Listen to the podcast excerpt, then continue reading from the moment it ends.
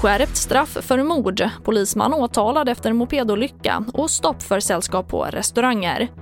Ja, här är TV4-nyheterna som börjar med att normalstraffet för mord skärps från 14 till 16 års fängelse. Det framgår av en dom i Högsta domstolen idag.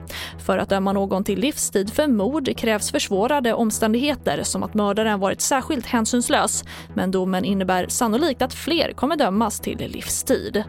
Vår bedömning är att flera typer av fall kommer att föranleda livstidsfängelse. Vad, vad vi säger i domen är att de fall som idag ligger högst upp så att säga på det tidsbegränsade spannet, de som nu har fått till exempel 18 år enligt tidigare praxis, eh, flera av de fallen kommer att få livstid eh, enligt den här domen framdeles.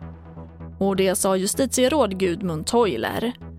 Och en polis åtalas efter att en 16-årig pojke dog i en mopedolycka i samband med en polisjakt i Lerum förra året. Nu åtalas den polisman som körde polisbilen för tjänstefel och vållande till annans död för att hans agerande har hetsat eller på annat sätt lett till att mopeden kraschat och kostat pojken livet.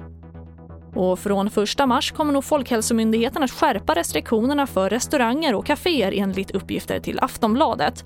Enligt tidningen ska endast en person åt gången kunna serveras i restauranger och kaféer som inte har egna ingångar utan ligger i köpcentrum och varuhus. Och restauranger som serverar alkohol får inte öppna förrän klockan 11 dagen därpå. Och vi avslutar med att Norge öppnar gränsen för arbetspendlare. Det beslutades efter att Stefan Löfven idag pratat med Norges statsminister Erna Solberg och gränsen öppnar på måndag 1 mars. Och pendlandet kommer att ske under strikta tester och kontroller. Och det var TV4-nyheterna. Jag heter Charlotte Hemgren.